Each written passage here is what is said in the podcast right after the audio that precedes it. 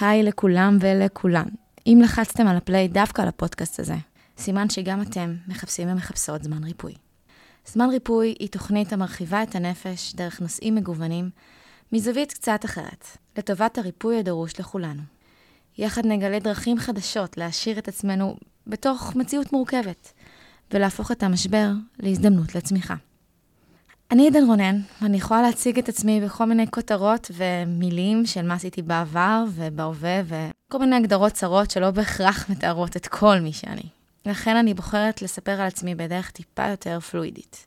אני עדן, ואני נמצאת בתנועה מתמדת בין תחומי היצירה והאומנות, התוכן והתקשורת, הרוח והנפש, בדרך להגשמה בעולם. ואולי בעצם, בהגשמה נוכחת בהווה. כמה מילים על הדרך שבה הפודקאסט הזה יוצא אל אוויר העולם. אירועי השביעי לעשירי העבירו את כולנו טלטלה, שתלווה אותנו עוד איזה זמן. כמו כולנו, גם אני ניסיתי להבין איך אני יכולה לתמוך ולהפיץ טוב בעולם ולאפשר ריפוי לעצמי, לסובבים אותי, לקהילה ולכל אדם, דווקא בתקופה הזו.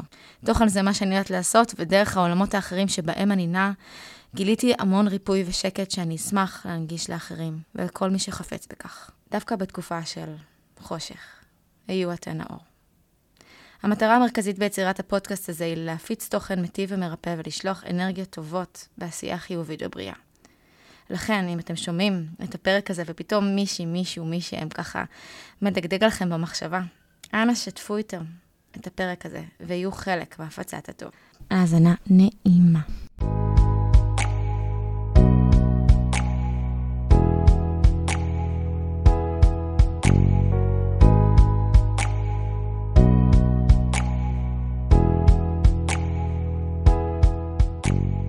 הפרק יארח את אגר דקל בר נתן. אגר היא דיאטנית קלינית המטפלת בהתנהגויות אכילה, הפרעות אכילה, אכילה רגשית ובריאות הנפש. היי אגר. אהלן, מה קורה? מה שלומך? וואלכ, מתרגשת. כן? כן, ממש. יופי, אני שמחה, גם אני מתרגשת. זה עוד בראשיתו, מה שנקרא. וגם, ממש. אבל גם כיף להתרגש, נראה לי שזה מראה דברים טובים. לגמרי. טוב, אז... אה, אכילה רגשית, נראה לי שזה כאילו מושג שנמצא בכל מקום כל הזמן עכשיו. כולם מדברים על אכילה רגשית, זה כאילו... אה, אני, אי אפשר להפסיק לשמוע את זה. קודם כל, חשוב באמת להבין מהי אכילה רגשית. אמ, אז אכילה רגשית קלאסית זה אכילה שהיא כתגובה לרגש. יש לנו את הקלאסיקה בסרטים של הבחורה בוכה ואוכלת גלידה, זה גם תצורה, אבל גם יש אנשים שאוכלים כתגובה לשמחה, כי קשה להם לווסת אותה. כלומר, באכילה רגשית... זה לא חייב להיות אה, אה, יגון צער ו- ומרמור על החבר ש... בדיוק. כאילו, על האקס או משהו. כן, האכילה רגשית זה ממש אה, מין גורם שמווסת בין האדם לעולם. כלומר, גורם שמתווך בין האדם לעולם, יותר נכון. כלומר, האוכל הוא כלי ויסות. גם האוכל הוא דרך שבה בן אדם מביע רגש מסוים? זה, זה, זה קשור בזה או שזה רק ויסות? אני רוצה קצת להבין. אז באמת יש uh, סוגים שונים ש, שאני ראיתי בקליניקה ככה של הקשר בין אוכל לרגש, uh, אבל האכילה הרגשית הקלאסית במרכאות, זה האוכל כתגובה לרגש. יש עוד קשרים בין אוכל לרגש ואנחנו באמת נעמיק. הרי אנחנו כל הזמן מרגישים, אז לא כל אכילה שלנו היא רגשית? או, אז ככה, הקשר שלנו um, בין אוכל לרגש הוא מ-day one. כשאנחנו תינוקות שיונקים, ההנקה היא לא רק הזנה, היא בעצם גם רצון אה, של חיבור, קרבה, היקשרות. עכשיו, כשאנחנו מתבגרים, יש כמה קשרים בין אוכל לרגש, כי כמו שאת אומרת, אנחנו כל הזמן מרגישים. נכון. אה, אז לא כל אכילה שקשורה לרגש היא אכילה רגשית, ואני אסביר. יש אנשים שאוכלים כדי להרגיש. לדוגמה, אם רבתי איתך ואני מרגישה רע על משהו שאמרתי, אבל אני לא כל כך מחוברת לאיך שאני מרגישה, אני כנראה אוכל משהו שיגרום לי להרגיש רע. כי הרבה יותר קל להשליך את הדברים על האוכל, על הגוף שלנו, מאשר להשליך את זה על ההתנהגויות הבין-אישיות. ויש עוד סוג של אכילה. אכילה עם רגש, לדוגמה, אני מרגישה דברים, אין מה לעשות, אנחנו לא חיות בבועה. Um, קורים לנו דברים ביום-יום, ואנחנו נרגיש דברים, ואי אפשר לאכול כל ארוחה ברוגע, עם כל כמה שאנחנו רוצים.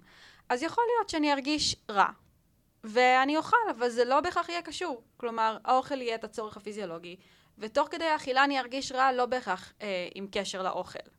אז זה ככה שני הסוגים העיקריים שאני רואה מלבד האכילה הרגשית הקלאסית. באמת כל אכילה יש בה רגש. זאת אומרת, אני יכולה לאכול גלידה גם כי אני ממש ממש שמחה, וגם כי פתאום אני ממש ממש מתוסכלת או עצובה. זה יכול להיות גם וגם. אבל מרגיש לי שלאכילה רגשית, המושג הזה מוביל להרבה מאוד כאילו אשמה. מהמם. אנשים הרבה מדברים על האשמה סביב אכילה רגשית, זה כל מה שאני שומעת עכשיו. זה כזה, חברות מספרות לי, יו, אני חודש שלם הייתי בבית בגלל כל מה שקורה, אני, אני לא זזה, מהספה, אני לא עושה כושר, ואני גם לא מפסיקה לטחון, יו, כבר עליתי איזה חמש קילו, ואז גם, זה גם, גם אשמה, וגם זה מרגיש כבר שזה מפתח בנו דברים של דימוי גוף ודברים אחרים, שאנחנו מח... כאילו משליכים על האכילה הרגשית בעצם. מהמם. אכילה רגשית לצערי, איך שמנטורים של דיאטה מפרסמים את זה, זה כינוי לכל אכילה של מזון ש... שנחשב במרכאות ענקיות לרע. לדוגמה, מזון אולטרה מעובד כמו חטיפים, כמו מתוקים, אה, גלידות, דברים שאנחנו כביכול מחשיבים כג'אנק. אז אנשים קוראים לזה אכילה רגשית, יש איזה צורך לתייג את האכילה. ו... כאילו תפוח זה לא אכילה רגשית, גם אני אכלתי עכשיו 100 תפוחים. נגיד, סתם, כי זה מרגיש כאילו, לא, זה לא אכילה רגשית, אבל, אבל, אבל מלא חטיפים וכזה זה. ואז אני אומרת, רגע, אולי האשמה היא הבעיה, כי זה בסוף מפתח אה, דברים, לא יודעת, אני לא מומחית להפרעות אכילה, אבל בסוף זה מפתח דימוי גוף שלילי.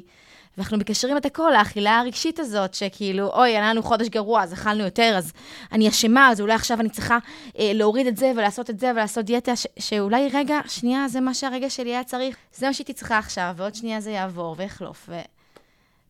אז למה האשמה הזאת? באמת, היום לצערי אנחנו מתייחסים לאכילה רגשית, החברה נוטה להתייחס לאכילה רגשית כאכילה של כל מזון שהוא לא מזין במרכאות. והעניין הוא שהרבה פעמים אנשים אוכלים את המזון הזה לאו דווקא ממקום רגשי. הם יכולים לאכול את זה כי זה זמין, הם יכולים לאכול את זה כי הם רעבים, הם יכולים לאכול את זה כי הם בדיוק נמצאים עם חברים, כלומר, יש כל כך הרבה כן. סוגים של אכילה. והעניין הוא ש, שבגלל שמקשרים את כל הסוגים של האכילה הזאת לאכילה רגשית, זה משטיח וגם מייצר אשמה, כי זה בעצם, אכילה רגשית הפך להיות כל אכילה של מזון לא רצוי. איזה גנאי כזה למשהו שהוא לא בריא, והנה עכשיו אתה אוכל אותו, אז אתה אשם. בדיוק, בדיוק. ואז לפעמים, הרבה פעמים התיוג הזה של האכילה, הוא גורם לנו לאשמה, כמו שאמרת, ולפעמים עצם התיוג גורם לעוד יותר אכילה. ולפעמים כשאנחנו מסתכלים לעומק בטיפול התזונתי, אנחנו מבינים שהיה כאן רעב, דבר שכאילו מוריד את האשמה, כי מבינים שהיה כאן צורך פיזיולוגי.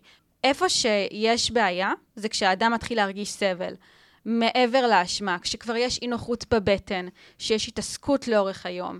כלומר, כשזה כבר נהיה כלי הוויסות היחיד. מה, שאם אני כל היום נגיד חושבת על מה אני אוכל? כן, כל היום אני חושבת על מה אני אוכל.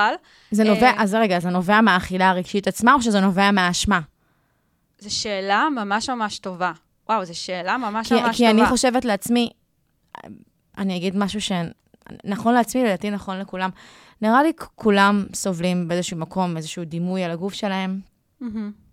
ובגלל שאנחנו היום עוסקים בכל כך הרבה סביב האכילה, בכללי, זה פשוט נהיה תרבות כזאת. ו- ובסוף כמה שמדברים, עדיין אנחנו רואים, רוב, רוב הדוגמנים, דוגמניות שאנחנו רואים הם מסייז מאוד, מאוד מסוים. אז כולנו מתעסקים בזה.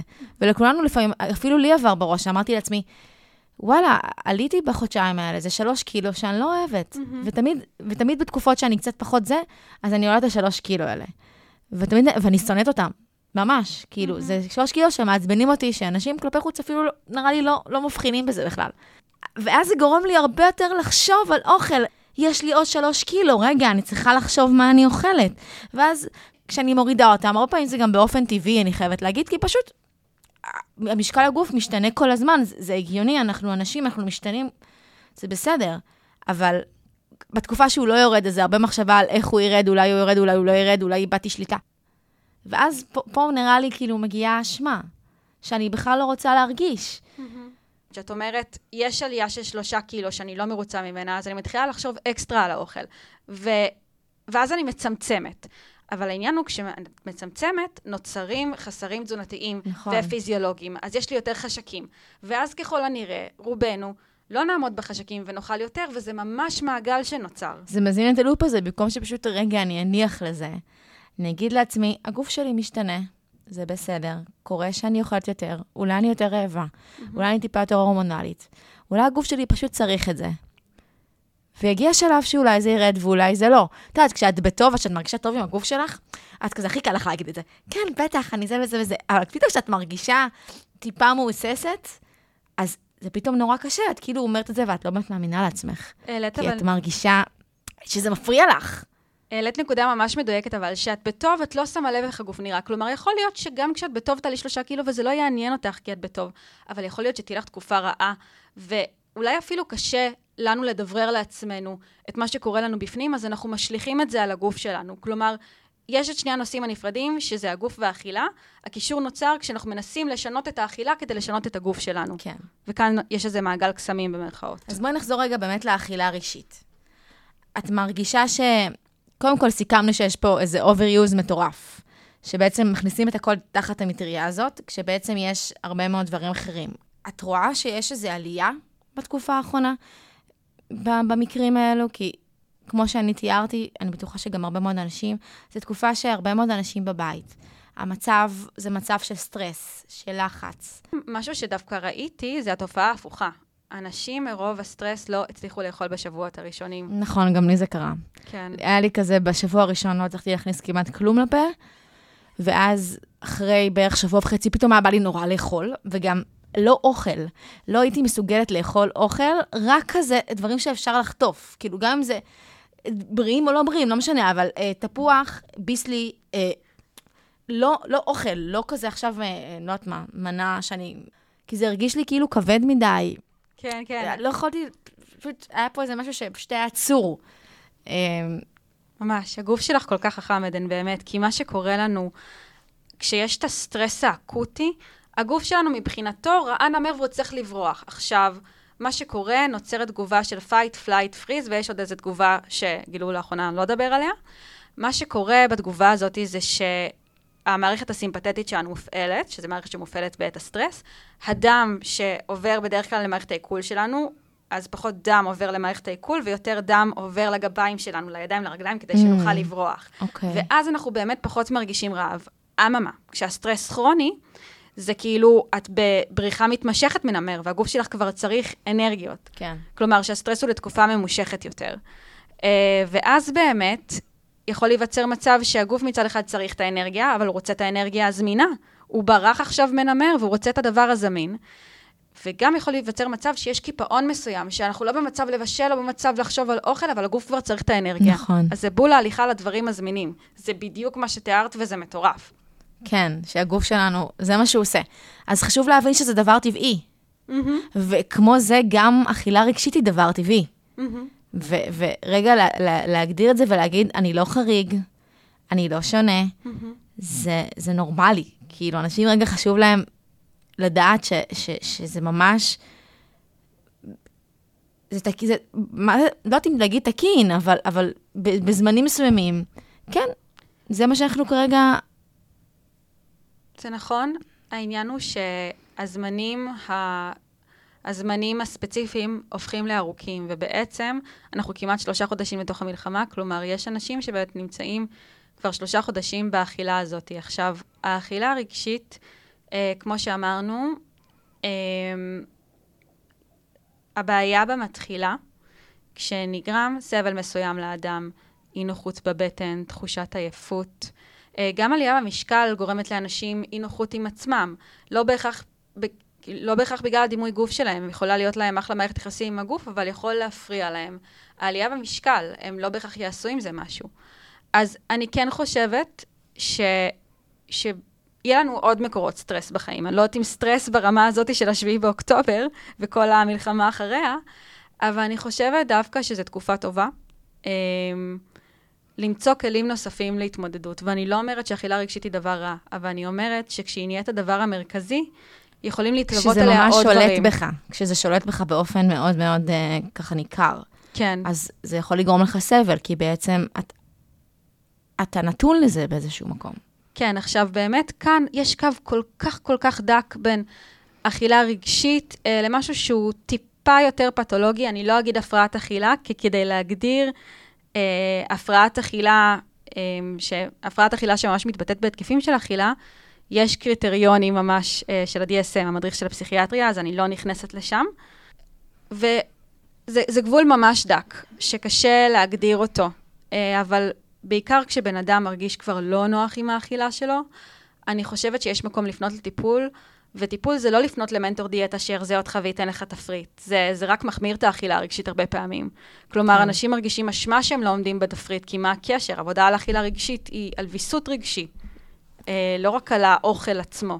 אז בעצם את אומרת שבמקום להסתכל ו- ולדבר על איך אני יכול, לא יודעת מה, להרזות, או כל, המנ... כל המנטורים האלה, בסוף, כדי לטפל באכילה הרגשית, אני צריכה לטפל בשורש של האכילה הרגשית, שהיא בעצם הרגש. בדיוק. נכון?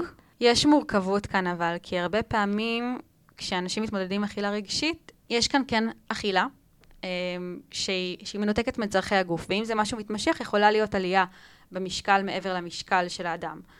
עכשיו, כדי לעבוד על האכילה עצמה, אנחנו צריכים מהמם. לשים בצד את המשקל, וזה קשה, כי אנחנו בתרבות שמקדשת רזון, וגם שנכנסת לכל אחד לצלחת, לגוף, ו- וזה אחת העבודות שאנחנו עושים בתהליך. אני לא אומרת, כשמישהו מעלה את המשקל, אני לא אגיד לו כאילו, "עד- עזוב אותך. אלא... ברור, זה, זה, זה חלק, אין מה לעשות. אבל לא צריך שזה יהיה העיקר. נכון, אבל אני לא אוריד את, אני לא אוריד את האדם במשקל, זה ביטוי קשה, כי בעצם אין לנו באמת שליטה על המשקל, אבל אמ, אני לא אעשה עם אדם תהליך ירידה במשקל גם כעיקרון, ביומיום. אה, כלומר, בטיפולים שאני עושה בקליניקה, אבל מעבר לזה, אני חושבת פשוט שהפוקוס במשקל גורם לנו להתפקס על מספר מסוים, גם הפוקוס על הנראות, והוא מובן לגמרי מצד אחד, ומצד שני, ברגע שאנחנו מסתכלים עליו בחוץ, על המספר, על הגוף, אמ, אנחנו נוטים להתנתק מהבפנים, מה, מהסימני רעב ושובע שלנו, מהצרכים האמיתיים של הגוף. כמו שאמרנו קודם, לצמצם את האוכל שלנו, מה שיכול הרבה פעמים להחמיר את האכילה הרגשית. כלומר, אנחנו שנייה רוצות לעצור את המעגל הזה של האכילה הלא רצויה, וזה לא על ידי צמצום, זה להבין, רגע, מה קורה שם. אז איך אני בעצם מבינה מה קורה שם? או. אז בעצם מה שאני עושה בקליניקה, ככה אנשים מגיעים אליי הרבה פעמים עם הטענה, יש לי אכילה רגשית, ואני מחזיקה אותה בראש. ועם זאת, אני יודעת שאנחנו נבחן אותה ביחד. ומה זה אומר? כדי להבין אם האכילה היא באמת רגשית, אנחנו קודם כל צריכים להסדיר את הפיזיולוגיה של הגוף. כלומר, אנחנו צריכים לראות איך נראית האכילה ביומיום. שם אני מבקשת יומני אכילה. עכשיו, הנטייה היא לחשוב שיומני אכילה היא כדי לעזור, לגרום לאנשים לאכול פחות, וזה לא. זה השימוש הממשטר של זה. אני משתמשת ביומן אכילה כדי לעזור לאנשים um, גם להבין איך נראה רעב, איך נראה שובע אצלם, וגם שאני אבין איך נראה סדר יום שלהם. כי מה שקורה הרבה פעמים, מגיעים אליי אנשים עם היסטוריה ארוכה של דיאטות. ואז מה שקורה זה שיש להם חוקים של הימנעות מקבוצות מזונות שלמות, לצערי, בדרך כלל נמנעים מפחמימות, מנסים לצמצם בכמות המזון, ואז או שלא אוכלים מספיק, או שלא מודעים לרעב, כי לא נתנו מקום לרעב של האנשים האלה עם כל התפריטים וכל הדיאטות. אני מדברת רע על תפריט, אבל זה לא בהכרח כלי רע. אמ, אמ, כלומר, לימדו את האנשים האלה כל החיים להתנתק מהסימני רעב שלהם, אז גם כשיש רעב הם לא מזהים אותו. אז מה שאנחנו עושים בהסדרת אכילה, אה, אני עוזרת לאנשים לזהות את הסימני רעב שלהם, אה, אולי להבין איך אפשר לסדר את הארוחות כדי שהם יהיו שבעים ומסופקים. עכשיו, מי שאין לו אכילה רגשית, אז האכילה מתאזנת באמת ברגע שאנחנו מסדרים את האכילה. אבל מי שיש לו אכילה רגשית, גם כשהוא אוכל בצורה מזינה, משביעה, מספקת, עדיין היא תהיה.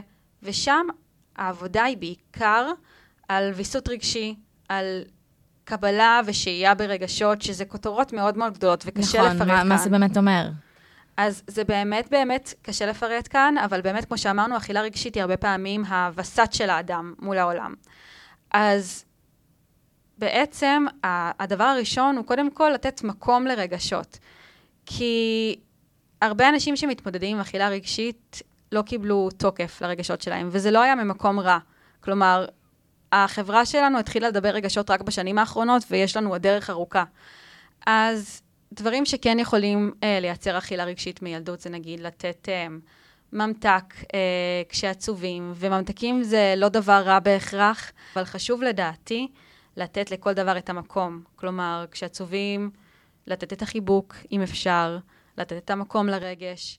אה, וכשרוצים ממתק, אז סבבה. כלומר, להפריד בין הדברים האלה. שזה לא יהיה איזשהו אה, כזה, הנה, תראה, ממתק, זה דבר שאמור לנחם אותך. כי כן. אולי זה מה שאני בעצם נכנס לראש. כן, ואוכל הוא כן מנחם מצד אחד, כאילו נגיד סתם. אני, אם, אם יביאו לי את הקציצות של סבתא שלי ואורז בכל שעה והיום, ברור שאני אוכל, כי זה, כי איזה כיף. זה מזכיר לי את הילדות שלי. אם כן. סבתא תכין לי קציצות, ברור שאני אוכל. אז, אז כאן שוב נכנס הקשר בין אוכל לרגש. כלומר, שאוכל הוא גם זיכרונות, ואי אפשר לנתק אותו לגמרי. אז רגע, אז אמרנו שבעצם הדבר, הדבר הראשון, את, את עושה יומני אכילה, את מבינה בכלל דרך היומני אכילה אם, אם האכילה רגשית או לא. זה כן. השלב הראשון. השלב השני, גם כשלאדם יש אכילה שהיא כן מאוזנת והוא עדיין רעב, את מבינה שיש פה עניין של אכילה רגשית, ואז בעצם מה, מגיעים למקום של לטפל בשורש הזה, כי זאת אומרת, עוברים איזשהו טיפול שהוא באמת רגשי. אז זה ממש ממש ממש ממש ממש תלוי. קודם כל, חשוב לי לשמור על הגבולות המקצועיים שלי. אם יש כאן עניין של שהייה ברגע, של ויסות, אה, של לשהות ברגשות, לקבל רגשות נטו, זה עבודה שאני עושה. אבל לא פעם ולא פעמיים, והרבה יותר מזה, אני אומרת למטופלים, תקשיבו, אני חושבת שיש כאן מקום אה, לשלב טיפול. כי וגם אני לא נכנסת... טיפול פסיכולוגי כאילו. כן, טיפול רגשי. ואני אני לא נכנסת איתם למקומות שאני לא יודעת לטפל בהם. חשוב לי לשמור על היושרה המקצועית שלי, כמו שחשוב לי שהמטפלים של המטופלים שלי לא יתעסקו להם בתזונה. השאלה בכלל, מה זה לשהות ברגש? השאלה היא, מי האדם שעומד מולי? כי לדוגמה, אם יש אדם שנמצא, שיש לו פתולוגיה נוספת, כמו דיכאון, כמו חרדות, אה, והאכילה היא כלי הוויסות שלו, אני לא בהכרח אקח לו אותה. כלומר, וגם אני כן שמה, אני כן אבקש אה, לשלב טיפול רגשי, גם אם אין לבן אדם הבחנה. אם אני מזהה שיש כאן משהו מעבר, אז אני כן מציעה לפנות לטיפול רגשי, כי אני חושבת ש... שזה עומקים שרק מטפל רגשי מוסמך, כלומר, פסיכולוג או עו"ס קליני, זה מבחינתי מטפל רגשי מוסמך, אה, יכול לגעת בהם. עכשיו, שאלת מה זה לשהות ברגש. זו שאלה טובה. לדוגמה, אה, יש אנשים שלא בהכרח בילדות ניתן להם מקום לאיך שהם מרגישים. יש לנו כל מיני מנטרות מהילדות, כמו, למה את בוכה? או זה לא, או זה לא יפה. ו- ועוד דברים ששמעתי. כאילו זה בעצם, מה שזה אומר, זה אסור לבכות, אל תבכי. דברים כאילו שאנחנו אפילו לא חושבים עליהם, כי הם כל כך מובנים אצלנו, אבל בעצם זה מלמד אותנו שאין, שאין מקום לרגש, ואז יש את הניסיון להדחיק אותו. ודווקא בטיפולים, אפילו עצם העובדה שמטופלת בוכה מולי, והיא אומרת סליחה, ואני אומרת, לא, לא, זה המקום שלך, זה המקום שלך לבכות. זה כבר יוצר איזשהו נרמול מסוים. כלומר, המטרה היא לנרמל את זה שמותר להרגיש גם רגשות שהם לא בהכרח חיוביים, אה, ולהיות איתם רגע, ולא לנסות לתקן אותם. האם אכילה רגשית יכולה להתפתח להפרעת אכילה? היא יכולה. אה, לפעמים הגבול אפילו מאוד מאוד דק. עם זאת, חשוב לי להגיד, רוב מי שיש לו אכילה רגשית פרופר, זה לא בהכרח הפרעת אכילה. לא כל מי שיש לו אכילה רגשית זה יתפתח להפרעת אכילה. כלומר, יש לנו את הרצון ואת הנטייה לתת כותרות. אני אומרת, אם יש משהו שמפריע, לגשת לטפל. אני לא אומרת שכל אכילה רגשית היא בהכרח רעה. אני אומרת, אם משהו כואב, אם משהו מפריע, לגשת לטפל. כמו שאם הייתה כואבת לכם האצבע, או אפילו לא כאב, שזה דבר כל כך ברור, נמלול באצבע, לטפל. כל דבר שמפריע, לטפל. כן. או לפחות להתייעץ. לא חייב עכשיו לצלול לעומק. לבדוק רגע עם איש מקצוע. מהמם. ואת יודעת, כאילו, אני מרגישה ש... ש... שוב, דיברנו הרבה על האכילה הרגשית ועל האשמה, ואני תוהה לעצמי, אה, איך מנתקים את האשמה הזאת? בעידן שבסוף לא משנה כמה מדברים על אה, body positive וכל הדברים האלה, זה עדיין מרגיש כאילו זה דיבור שהוא אה, לא 100% מחובר למציאות, כי במציאות שאנחנו חיים בה עדיין כל הפרסום וה, וכל התרבות שלנו עדיין זו תרבות של, של רזון זה מוכר, ולא רק זה, גם נכנס לתרבות קטע של גם תהיה רזה וגם תאכל מלא דברים שווים בזה, כי כל תרבות האוכל נהייתה כזאת, כאילו, הכל נהיה נורא אינסטגרמי כזה וזה, נהנתני, ואז כן. נהנתנים ממש, וכל כל מה שאנשים עושים זה ללכת למקומות אה, הכי כזה, ששם יש את האוכל הזה, אז גם תישאר רזה וגם תאכל את כל האוכל המגרה הזה. איפה אנחנו, איפ, איך אנחנו בכלל מוצאים את האיזון שלנו בינינו לבין עצמנו? אז קודם כל, העניין של הבאדי פוזיטיב, אה, הוא מדבר בעצם על הגוף עצמו, אה, שכל גוף בכל צורה הוא יפה. עכשיו, חשוב לי להגיד, יש אנשים לא, לא כל מי שיש לו השמנה, לא כל מי שנמצא בהשמנה, יש לו אכילה רגשית. יש הרבה אנשים עם השמנה שאוכלים מאוזן, אוכלים טוב, באמת מתאמנים, והם יהיו בהשמנה, כי, כי זה הגנטיקה שלהם, וזה בסדר גמור. עכשיו, מה, ש, מה שדיברת, הקשר בין ה-body positive לבין האכילה, זה הנרמול של דברים. Um, כלומר, ה-body positive באמת נרמל גוף בכל מידה. כן, חשוב לי להגיד גם שכמו שיש הרבה, הרבה הרבה אנשים עם השמנה שאוכלים מאוזן ומתאמנים, ובאמת מערכת יחסים טובה עם אוכל, אז יש אנשים רזים ש, שיכולים להיות, לה, שיכולה להיות להם אכילה רגשית, ועדיין הסתובבו עם הכבדות ו, ועם הכאב הזה אה, על האכילה הרגשית ועם האשמה, בלי קשר לאיך שהם נראים. גם דימוי גוף, יכול להיות אדם שנראה כמו אידיאל היופי, ועדיין לא יהיה שלם עם הגוף שלו. אבל, אבל שוב, מה ששאלתי לגבי כל העניין האינסטגרמי הזה, ש... כי, כי לא, את, את ברמה האישית, בתור, בתור הגר, עזבי רגע. את הכובע של, ה, של התזונאית. איך בסוף אתה עומד מול הדבר הזה? כי, כי אתה צריך ל... לא יודעת, לי, לי ככה זה מרגיש בעולם שאנחנו חיים בו, שאתה צריך להיות גם וגם וגם וגם. Mm-hmm. כלומר, יש פעמים שאת מרגישה אשמה ש... שאת... אה, יש פעמים שאת מרגישה אשמה ש... על, על הנראות, על לא, האכילה. זה לא שאני מרגישה אשמה. זה, לי יש ביקורת תרבותית לפחות, על זה שמצד אחד, עדיין כל מה שאנחנו רואים נורא נורא מקדש חזון, ומצד שני, לכל מקום שאנחנו הולכים, יש איזושהי תרבות שפע כזאת, mm-hmm. שכאילו מתנגשת עם ה... אה, אתם מראים לי אה, בפוסטרים בכל מקום אנשים שמרגיש, שוב, ש, שהם נורא כזה באיזה משטר של זה, ומצד שני אתם...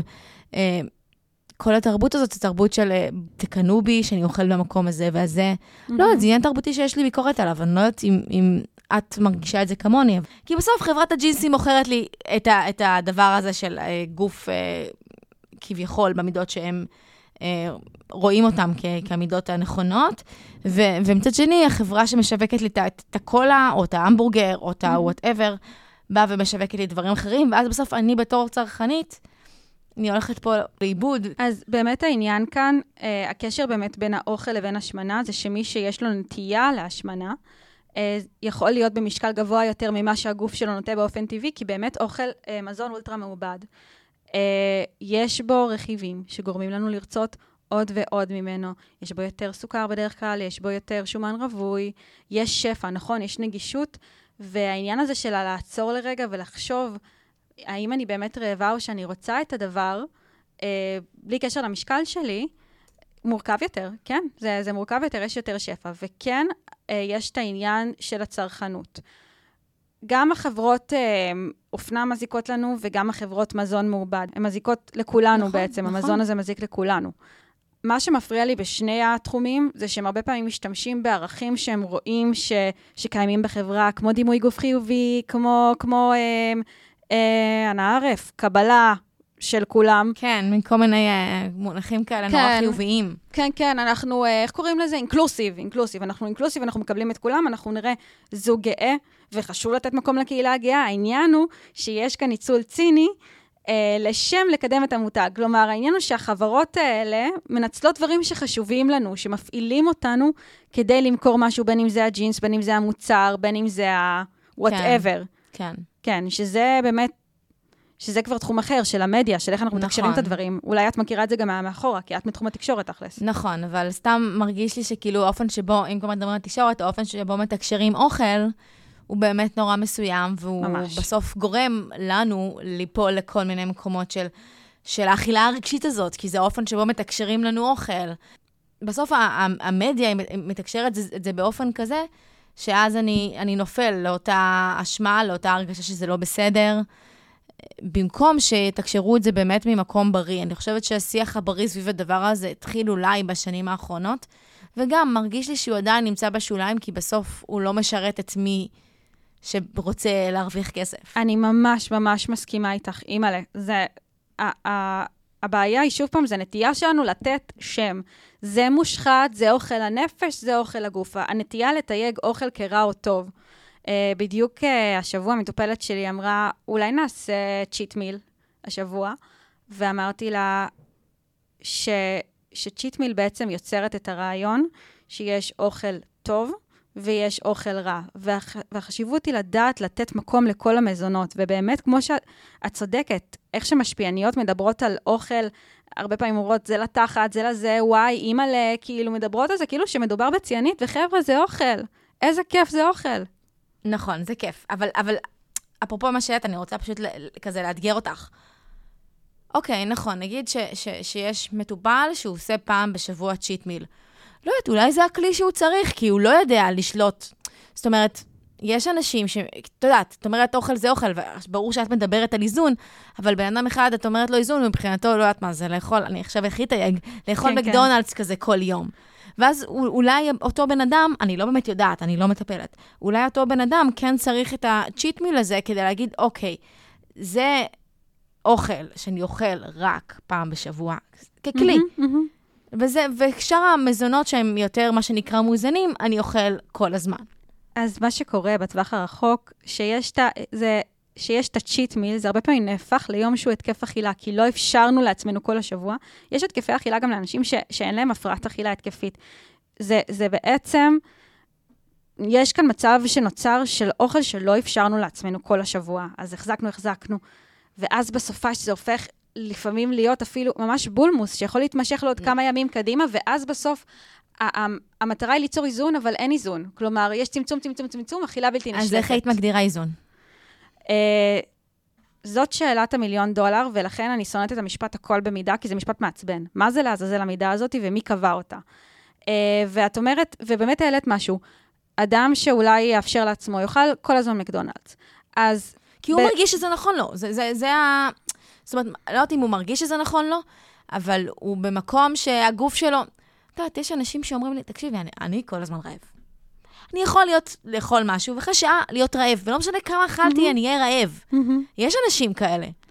אז, אז את יודעת, אז מה האיזון בשבילם, ומה האיזון בשבילי שאני אוכל, mm-hmm. כאילו... אז כן, באמת, החשיבה הנפוצה היא, אוקיי, אם ייתנו לי לאכול מקדונלדס כל יום, אני אוכל מקדונלדס כל יום, ובתהליך, הרבה פעמים מה שאנחנו עושים בתהליך זה לנרמל שנייה מזונות אה, שהיו אסורים ב, עבור המטופלים, ובהתחלה, כן, אוכלים יותר מהם, אוכלים יותר מהמזונות האלה, אבל אחר כך נמאס להם מהם. לדוגמה, יש שיר שנתפסת עליו, סבבה? כן. אה, זה דוגמה שקולגה הנהדרת שלי נתנה. יש שיר שנתפסת עליו. כמה, כמה זמן את תטחני את השיר הזה? כמה זמן תוכלי לשמוע אותו? אני, וואי, מעט מאוד. בדיוק. אני לא, אני לא נתפסת על שירים, זה... ו- וככל ש... אז אני יכולה, אני, כפרה עליי, יש לי לופים של שירים, אני יכולה לטחון שירים תקופה, אבל מתישהו יימאס לי ואני אשכח מהשיר הזה כבר. לדוגמה, מה שקורה הרבה פעמים בת... בתהליכים של אכילה האינטואיטיבית, אנשים שוכחים שיש להם גלידה במקפיא. אנשים שהיו פעם מסיימים את הקילו גלידה, שכחו מגלידה במקפיא.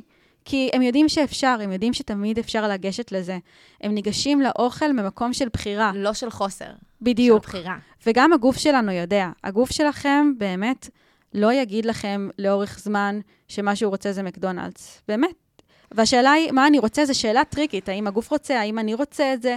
זה, זה, זה, זה, זה יש המון שאלות כאן. זה עניין של באמת להקשיב לגוף. זאת אומרת, להבין... אני חושבת שזו עבודה בפני עצמה, להיות mm-hmm. מחובר לגוף שלך. Mm-hmm. אבל ברגע שאתה מבין איך להיות מחובר, אתה מבין אם הדבר הזה עכשיו עשה לי טוב או לא. Mm-hmm, בדיוק. אתה מבין את זה מאוד מהר. לדוגמה, מקדונלדס, אני חולה על זה, באמת. Um, אבל העניין הוא של, שלי, כל פעם אחרי שאני אוכלת, אני מרגישה פיזית רע. ונהניתי מהמקדונלדס, אבל כן, כואבת לי הבטן. האם אני ארגיש אשמה שאכלתי את זה? אני אתבאס על איך שזה גורם לי להרגיש. אני, אני לא אשמה כי זה במרכאות משמין, כי גם אין דבר כזה מזון משמין וזה מושג לא נכון. אני אתבאס כי זה גרם לי להרגיש לא טוב. נכון, זה אפילו לא, אפילו כאב בטן זה הכי מיידי. אפילו הרבה פעמים אני אוכל משהו ואחרי זה אני ארגיש שזו עייפות. וואו, נורא כן, גדולה. ממש. דברים שהם כאילו לא מיידיים. עכשיו, לא בהכרח כל עייפות קשורה באוכל, אבל הרבה פעמים, תשים לב, כשאתה אוכל מזונות מסוימים, הם גורמים לך לאיזושהי עייפות או כבדות או תחושה כזאת שאתה... וזה עניין של ללמוד, לעקוב אחרי זה ולהבין מה, מה הם הדברים האלה שעושים לי לא טוב. עכשיו, יש סיכוי שהדברים שעושים לי לא טוב יעשו טוב לאדם אחר גם, mm-hmm. כן? זה כאילו עניין... כן, לדוגמה, קטניות זה בריא. לי זה עושה רע. גם באמת, לי. לי זה עושה רע בבטן. אז אם אני אוכל קטניות רק כי זה על הכותרת בריא, אז יהיה לי רע בבטן, לא יהיה לי כיף, אני אהיה עצבנית יותר. למה זה טוב?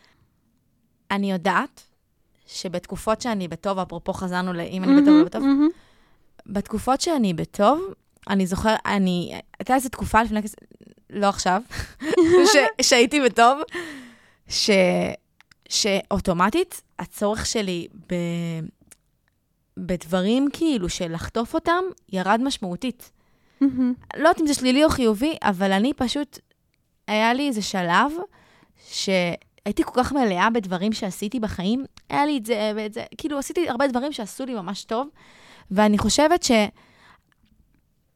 שהסיפוק שקיבלתי במידה מסוימת מאוכל, לא הייתי צריכה אותו יותר. עכשיו, זה לא שלא אכלתי, כמובן שאכלתי, אבל הרגשתי שהצריכה שלי, שכל מיני דברים ש...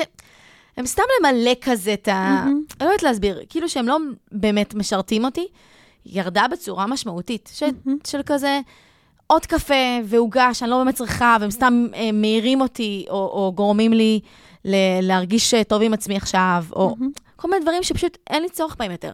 כאילו, זה פשוט, ה- ה- הגוף שלי אמר לי, את לא צריכה את זה. ואז הרגשתי שהתזונה שלי הרבה הרבה יותר מאוזנת באופן משמעותי, והרגשתי שזה נובע מזה שאני במקום בחיים, שטוב לי, ושאני אה, באיזושהי מלאות. אז כאן השאלה, יש כאן שאלה משמעותית שהיא אינדיבידואלית לכל אחד. מה התפקיד של אוכל בחיים שלך ושל איזה אוכל? יש מזונות מסוימים שמשרתים צורך, זה יכול להיות הזנה פיזיולוגית. זה יכול להיות הזנה רגשית, זה יכול להיות גם וגם, אותו מזון יכול לשרת גם וגם. באמת, כאן השאלה, מה התפקיד של אוכל בחיים? אז זאת אומרת שיש מקומות, נגיד את מספרת בעצם שאצלך יש תקופות ש... שיותר קשה לך, ואוכל הוא כן כלי ויסות, אז את עולה בהן את השלושה קילו, ובתקופות שאת לא צריכה את הכלי ויסות הזה, אז, אז את לא משתמשת בו. נכון. ופשוט, ואני חושבת, עדן, שהיחס שלך הוא אפילו... ש, שגם זה נחשב מערכת יחסים בריאה עם האוכל באיזשהו מקום, כאילו, שזה, בואי נגיד ככה, זה נחשב הכי האדם הממוצע. לכולנו יש תקופות עם אוכל בחיים. יש תקופות שהאוכל הוא כלי ויסות, מי יותר מפחות כמובן, ועולים בהם קצת במשקל, ובסדר, המשקל עולה ויורד. יש את הדבר שנקרא משקל set point, שזה בעצם טווח של משקלים שנהיה בהם. את אומרת שלושה קילו יותר, שלושה קילו פחות. זה הסט פוינט שלך, לדוגמה. כן, זה הסקאלה, כאילו. כן, לדוגמה, ויש כאלה שזה חמישה קילו יותר, אני רגע אפתח איזשהו נושא שהוא קצת מחוץ, את יודעת מה הוא כן בנושא. פשוט זה משהו שנורא מעסיק אותי ואני נורא מרגישה אותו. Mm-hmm. בתור ילדה הייתי ילדה די מלאונת כזאת. וזה משהו שמאוד הלך איתי, ובגלל זה אני חושבת ש... שהמשקל כן באיזשהו מקום כן משנה לי. והדבר שהכי משפיע עליי כשאני עולה את השלוש קילו האלה יותר מהכל, זה איזושהי תחושה, איזשהו פחד, שהוא אגב רגשי, והוא כתוצאה מעוד אירועים שעברתי בחיים, פחד מלאבד שליטה. Mm-hmm. שפתאום אה, אה, זה לא יהיה רק שלוש קילו, זה יהיה יותר. ואז זה בכלל פותח את, את המקום שהוא לא רק של משקל, זה לא רק עכשיו עוד עשר קילו ש, שזה מפחיד אותי וזה, זה בכללי שאני אאבד שליטה על החיים שלי, על, על, על כל מה שקורה לי, שאני לא אגיע למה שאני רוצה, דברים שהם הרבה מעבר לוויסות שהוא ממש נורמלי ש, שציינת, והוא בכלל מתקשר לאיזשהו פחד של איבוד שליטה, כי פעם הייתי כזה ילדה שאת יודעת, שהייתה קצת יותר שמנמנה, וצחקו קצת, וזה, ואמרו לי, לא ככה, וכן ככה, וכן לאכול את זה, ולא לאכול את זה. ושם זה זורק אותי, למקום וואי. הזה. זה מאוד מתחבר גם ליחס של החברה שלנו, כי בעצם אדם שהוא יותר מהמשקל שנחשב עבורנו כתקין, ברכאות ענקיות, יש סטיגמות עליו, סטיגמות של uh, תפיסה של אדם כ, כחסר שליטה, כהמון דימויים שליליים, וזה בדיוק הדבר הזה. אנשים נוטים לחשוב הרבה פעמים שאנשים עם השמנה הם אנשים, או אנשים בעודף משקל אפילו, הם אנשים שהם לא מבוסתים, ויותר מזה, אנשים חושבים ש, שהפתרון לעודף משקל הוא פשוט לאכול יותר טוב ולהתאמן, ויש כאן כל כך הרבה עדן. בעצם את, את מספרת שיש כאן הרגשה של, של חוסר שליטה, וזה, וזה רק מראה כמה האוכל הוא לא רק אוכל, כמה אנחנו מדברים דברים אחרים שקשורים בחיים שלנו על האוכל, כי הוא באמת, מה, זה קורה איזה שש פעמים ביום, בין שלוש לשש, כן. אני נתתי טווח, כאילו, זה, זה קורה כל יום אוכל. אז ברור שזה ייפגש עם דברים אחרים בחיים שלנו. נכון. וואי, אבל... אבל כן. זה בעיקר מחבר אותי לחוסר שליטה שלפחות... בתקופה האחרונה הזאת גם הרבה אנשים מרגישים שהם כזה מאבדים שליטה על החיים שלהם, כל האירועים שקרו לנו לאחרונה. ואז אותי זה נורא חיבר לזה, שברגע שאני מאבדת אה, סוג של שליטה על אוכל, הנה עליתי, או הנה אכלתי יותר, אז אני גם מאבדת שליטה בכללי, כאילו, בחיים שלי, במה שקורה לי. כל האירועים לאחרונה מתחברים לאיזשהו חוסר בשליטה, כאילו קרה משהו שלא היינו מוכנים עליו, אף אחד לא חשב שהוא יקרה. פתאום בום טראח, החיים משתנים לאנשים מסוימים בצורה קיצונית. אני רוצה רגע אמ. שבאמת נסכם ונדבר קצת על, על מה שדיברנו.